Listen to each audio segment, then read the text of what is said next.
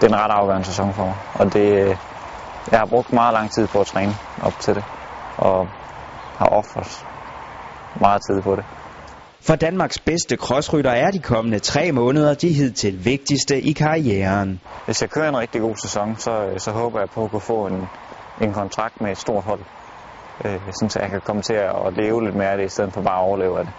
Derfor har Kenneth Hansen høje ambitioner for vintersæsonen, der er Danmarksmesterens sidste i U23-klassen. Min store mål for sæsonen det er først og fremmest at have et rigtig godt øh, niveau. Jeg vil godt være med sådan fremme i stort set hver løb, jeg stiller op i. Det, det er grunden til, at jeg stiller op.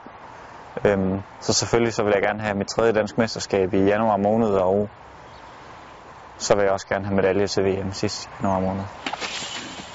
Jeg kan ikke undgå, at der kommer nogle nedture. Øh, det vil altid være, men jeg håber på, at der kommer til at være nogle rigtig fede opture, hvor at, øh, jeg har nogle rigtig gode resultater med.